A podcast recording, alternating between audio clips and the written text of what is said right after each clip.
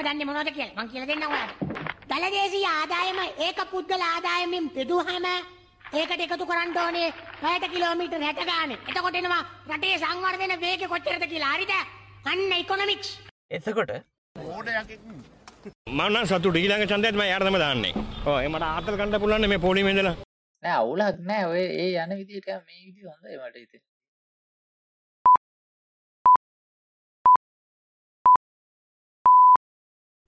අයිබෝවන් අද දෙදස් විසි දෙකේ අගෝස්තු පලවනිද රට කරන රිපොට්කාස්ට් එකේ අනු හත්වනි කොටසත් එක එකතන හැමෝම වෙනදවගේම අදත් ආදරෙන් පිළිගන්නවා.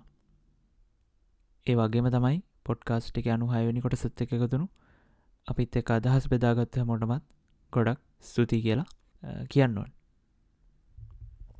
අද පොඩ්කාස්ට් එකේ අපි කතා කරන්නේ රාජ්‍ය ත්‍රස්තවාදය ගැන. රාජ්‍ය ත්‍රස්තවාදය කියන එක අපිට අලුත් දෙයක් නෙවෙයි.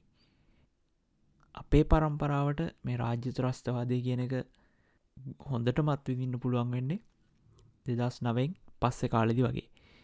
ඊට කලිනුත් මේක තිබ්බට දෙදස් නවේ යුද්ධ ඉවරණවත් එක්කම මිනිස්සුන්ගේ ජීවන තත්වය ගැන හිතන්ඩ මිනිස්සුන්ට ඉඩක් ලැබුණා.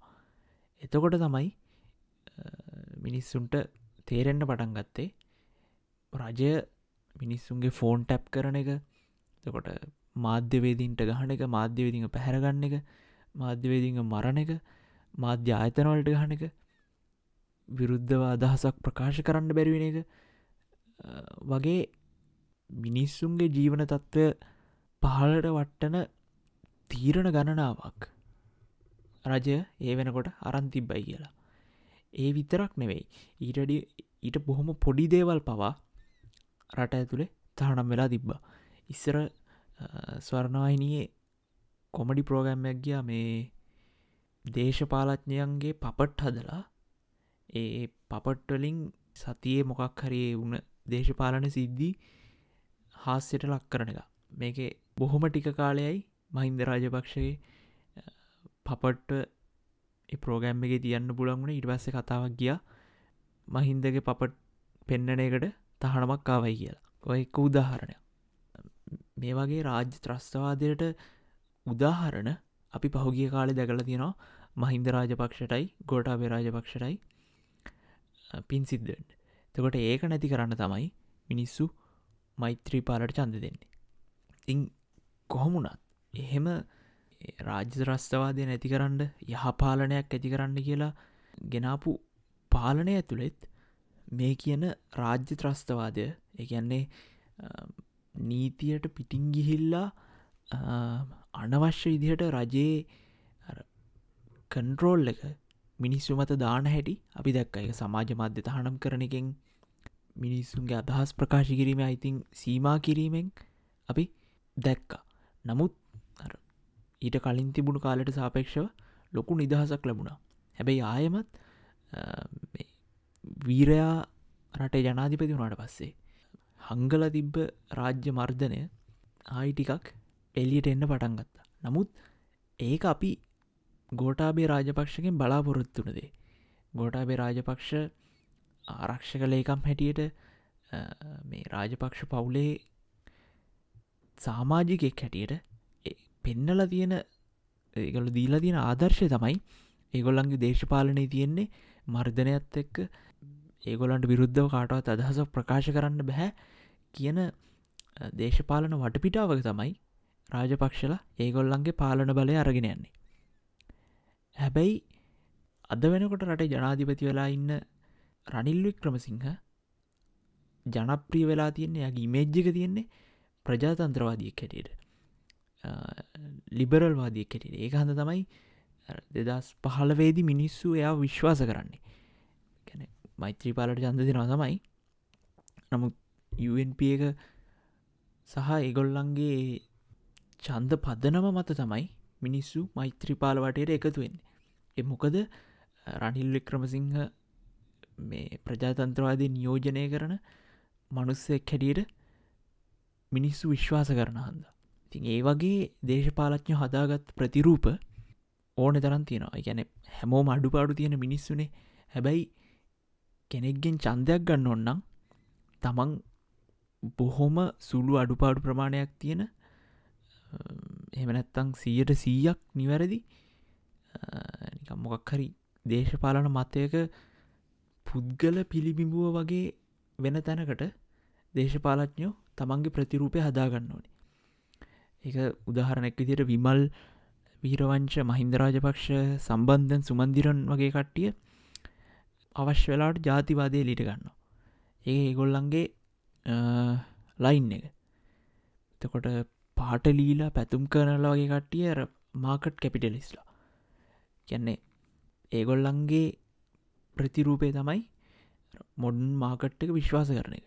පස්සේ අන්ඩු කුමාරල කුමාර්ගුණරත්නම්ල වගේ කට්ටි වාමාංචික ඒ වගේ රනිල් වික්‍රමසිංහ කියලා කියන චරිතය ප්‍රතිරූපය තමයි මේ මානව නිදහසගේ කරන එතකොට කම්ප්‍රමයිස් කරන්ඩ සහයෝගෙන් වැඩ කරන්න සූදානම් නිදහස අගේ කරන ලිබරල් දේශපාලඥයක් කියන එක. ඒක හන්දනේ එක කට්ටියක් මේ රනිල් වික්‍රමසිංහ ජනාධිපතිවරය වෙනකොට වැඩ බලන ජනාධිපතිවරය වෙනකොට මෙයාව ස්තිර වශයෙන් ජනාධිපතිහරයට පත් කරලා ගෙනාවොත්හෙම අපිට අපේ ජාත්‍යන්තර සම්බන්ධතා තවත් තරකරගන්න පුළුවන් කියලා කිව්වේ කැන්නේ දේශපාලච්ඥ අතර සහ සාමාන්‍ය මිනිස්සු කොටසක් අතරේ විශ්වාසයක් තියෙනවා. විශ්වාසයක් තිබ්බා රනිල් වික්‍රමසිංහගේ ප්‍රතිපත්ති තියෙන්නේ මානව නිදහසත් එක්ක කියලා. එතකොට යාගේ ලිබරල් අදහස් එක්ක අපිට දනවත් ලිබරල් අදහස් නියෝජනය කර අනීත රටවල් වල සහයෝගය ලැබේ කියලා ගොඩ දෙනෙක් විශ්වාස කර. නමුත් පහුගිය දවස් කීපේ ප්‍රනිල් වික්‍රමසිංහ වැඩ බලන ජනාධිපතියරය වන දවසිදලා අද වෙනකං අපි දකිනවා දින කීපය ඇතුළදී රනිල් වික්‍රමසිංහ කියන පුද්ගලයාගේ ඇත්ත චරිතය මොනවගේද කිය කියමනත් තියෙන්නේ මේ ඕනෙම පුද්ගලෙක්ගේ ඇත්ත ස්වභාවය දැනගන්න ඔන්නම් ඒ පුද්ගලට බලයක් දෙන්න කියලා. ඒ ඒ ඒ අවස්ථාව ආව රනිල්ව විශ්වාස කරපු මේ තාර්කික හැකියාවක් තියෙන මිනිස්සුන්ට. ඒ කියන්නේ මේ අර වජිරලා සහගලලා අකිල් අකිලලා වගේ කට්ටි ගැන නෙවෙයි. එකොල්ලො රනිල් මොනවා කිව්වත් හාස රෝසර් කියන කට්ටියන. නමුත් ප්‍රනිල් ගැන යාගේ දැනුම ගැන එය ලෝකයේ දකින විදිහ ගැන එයා පොත්පත් කියවන ප්‍රමාණය ගැන හැලිලියපු කතා කරපු මිනිස්සුන්ට මිනිස්සු අතරේ කොට්ටාශයක් ඉන්නවනේ. වෙනත් පුද්ගලෙක්ගේ හොඳ නරක අඳුරගන්න පුළුවන් කට්ටිය. එහෙම කට්ටියත් රනිල් වික්‍රමසිංහ විශ්වාස කරන්නේ හොඳ උදාහරණ තමයි උපුල්ශාන්ත සන්නස් කළ පොඩ්ඩක් බලන්න මේ මෑත කාලේ දෙදස් විසියක අවුරුද්ධ පවා. ය රනිල් වික්‍රමසිංහ ගැන කොහොමද කතා කර කියලා. ඒ අතින් මාර සත්තුටක් තියෙනවා.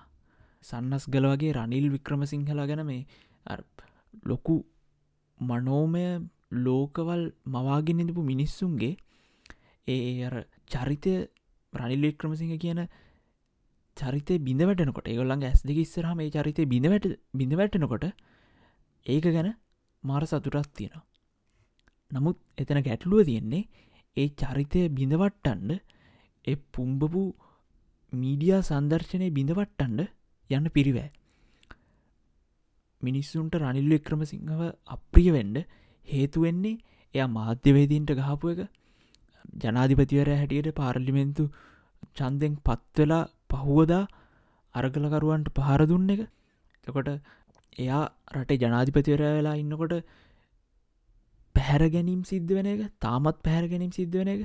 ඒවගේම නීතිය පාවිච්චි කරලා තමන්ගේ අදහස් ප්‍රකාශ කරපු මිනිස්සුන්ව තමන්ගේ මතය ප්‍රකාශ කරපු මිනිස්සුන්ව අත්දඩංගුඩ ගන්න එක වගේ විශාල සිද්ධිදාමයක් සිද්ධ වෙන්න උනෙනවා මිනිස්සුන්ට රනිල් වික්‍රමසිංහ කියල ගන්න මොන වගේ චරිතයක්ද කියලා අඳුනගන්න.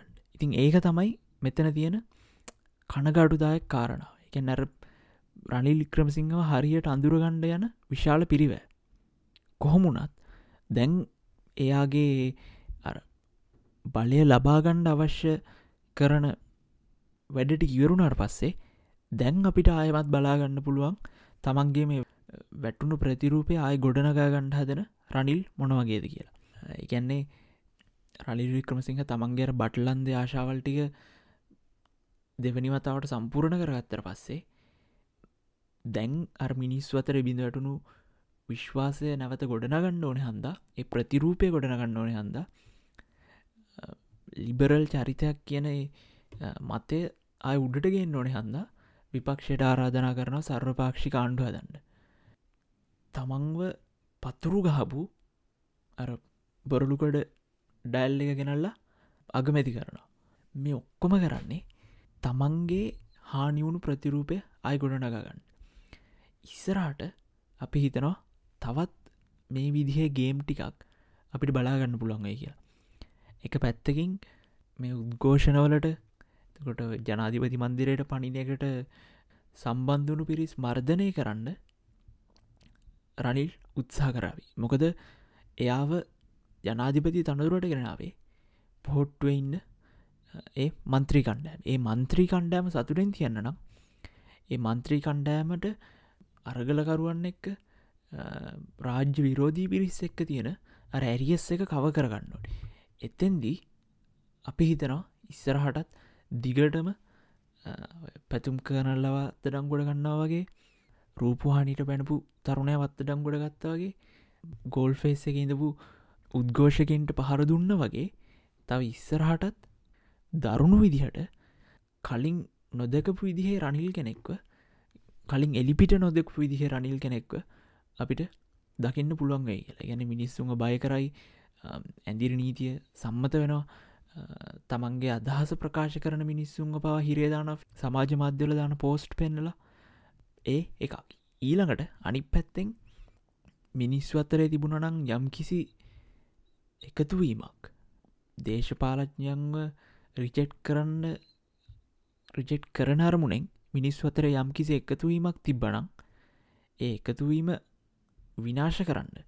දේශපාලන පක්ෂ හැටියට එහෙමනැත්තං පොලිසියට පක්ෂාපක්ෂ කාරණාවනුව අන්තරේ වගේ සංවිධානවලට පක්ෂ පක්ෂකාරණාවනුව මිනිස්සුන්ව ආයමත් බෙදන්ඩ රනිල් වික්‍රමසිංහ උත්සා කරන මොකද එහෙම එකතුවක් මිනිස්සු අතර තියෙනවයි කියල කියන්නේ ඊළඟ චන්දකදී රනිල් වික්‍රමසිංහට බොහොම අවාසිදායක වෙනවා. නමුත් මිනිස්සු අතරේ බෙදීම වැඩිවෙන්ඩ වැඩිවෙන්ඩ රනිල්ට තියෙන චාන්සක වැඩියෙනයි කියලා එයා විශ්වාස කරනවා. ඉතිං ඒක තමයි මේ ඉස්සරහට අපි හිතන්නේ මාසකීපය හෝ අවුරුද්ධ හෝ දෙක වගේ කාලේ අපිට බලාපොරොත්තු වෙන්න පුළුවන් වෙන්නේ රනිල් වික්‍රම සිංහගේ පාලනයක් ඇතුළේ කොහොමරි අද පොඩ්කාස්ට් එපිසෝඩ් එක ඉවර කරන්න කලින් අපි හිතුවා මේ සමාජය තියෙන මේ විදි එක බෙදීමක්. එහමනැත්තං එක ඩිබේටිං පොයින්ට එකක් ආමන්ත්‍රණය කරලම අද එපිසෝඩ් එක ඉවරකරොත් හොඳයි කියලා. සමාජය මතයක් තියෙනවා. මේ වෙනකොට මිනිස්සු ඇවිල්ලා ජනාධිපති මන්දිරයට පැනලා ඇඳවල් වල ඉඳර ෆොටෝගත්ත එක ශවරගේ නාපු එක පූල්ල එක නාපු එක ජිම්ම එකට හිල් එක්සයිස් කරප එක වැරදි කියලා. එතන එතන අර මොකක්ද තේක්ක පුටුවත් දොන්න මොකක්ද මගුල් කැඩි කැඩිච්ච එක බිත්තියල ජරාව ගෑවුණ එක පැළමැරුණ එක වගේ දේවල් වැරදිී කියලා සමාජයේ ලොකූ මතයක් එක පැත්තකින් ඇතිවෙනවා අංක එක තමයි මිනිස්සු එලියටාවේ කටින පූජාවක් තියන්න නෙවෙයි. එතන තිබුණේ අර්ගලයක්. රටක පාලකෙක් එලවනු ඕමනාවෙන් හමුදාවෙන් ගුටිකාල පොලිසින් ගුටිකාල මිනිස්සු තමන්ග පීඩවට පත් කරන මනුස්සෙක්ව එලෙව්වාම එත්තන තියෙන සංවරකම් හොයන්න ඇන්ඩෙවා මොකද ප්‍රංශ විප්ලවේ වගේ තැන්වලදී ලුවී රජ්ජුරු එලෙව්වට පස්සේ බැස්ටයිල් හිරගෙදල සම්පූර්ණයම සමතලා කරනවා. ලිබියාවේ අපි දකිනා පාලකයට අත්වනේ මොනවගේ ඉරණ මන්දි කියල ඉතින් මේ කිසිම දෙයක් නොකර ලංකායි මිනිස්සු පොලිසියට පහර දෙන්නතුව හමුදාවට පහර දෙන්නතුව උද්ඝෝෂණයට ජනාධිපතියරයට විරුද්ධව තමන්ගේ මතය පෙන්නන්ඩ පාරට බැහැලා ජනාධිපති මන්දිරයට ඇතුළට යන්න. ජනාධිපති මන්දිර ඇතුළට යන්නේ බොහොම සාමකාමී විදිහට. ඉතිං අපි ලෝකයේ දකින ලෝකයේ දැකපු අනිත් අරගලයන් වලට සාපේක්ෂ අපි හිතන මේ වගේ සාමකාමි අරගලයක් බොහොම කලාතුරකින් තමයි ලෝක ඉතිහාසේ අපිට ආණ්ඩ පුළන්ගන්නේ කිය අනිත් කාරණාව බණ්ඩාරණය කලා ප්‍රේමදාසලා ජයවර්ධනලා වික්‍රමසිංහල රාජපක්ෂල සිරිසේනලා මිනිස්සුන්ගේ මුදල් මිනිස්සුන්ගේ බදු මුදල් බිලියන් ගණන් අපතේ අවද්දී බිලියන් ගණන් අවභාවිතා කරද්දි වැරදි ආයෝජනවල යොදවද්දී කිසිම වචනයක් නොකියපු මිනිස්සු රටේ සාමාන්‍ය පුරවසවෙල පූල් එක අතල් එකක් ගත්ත කියලා රටේ තරුණ තරුණිය ඇවිල්ලා ෆොටෝ ගැහුවයි කියලා වාහනවල දූවිලි වැදුනයි කියලා ජනාධිපතිගේ කොඩිය රංගයා කියලා ඒවා විවේචනය කරනවා. එතෙන්දි අපිට තියෙන ප්‍රශ්න තමයි දේශපාලත්ඥෝ මිලියන් ගනම් බිලියන් ගණන්වලින් අවභාවිතා කරනකොට ඒත් ජනතාවගේ මුදල් ඒ ජනතාවගේ මුදල් දේශපාලච්ඥ අවභාවිතා කරනකොට දේශපාලත්ඥය හොරකං කරනකොට එතන තිබුණ ජනතාවගේ මුදල් කියලා තේරුණේ නැද්ද මිනිස්සු ඇවිත් අයන්න කිස්සුහාම සල්ලි ගැන්නහම කොඩිය ඉස්සුහම් විතරද බදුමුදල් අපතියන්නේ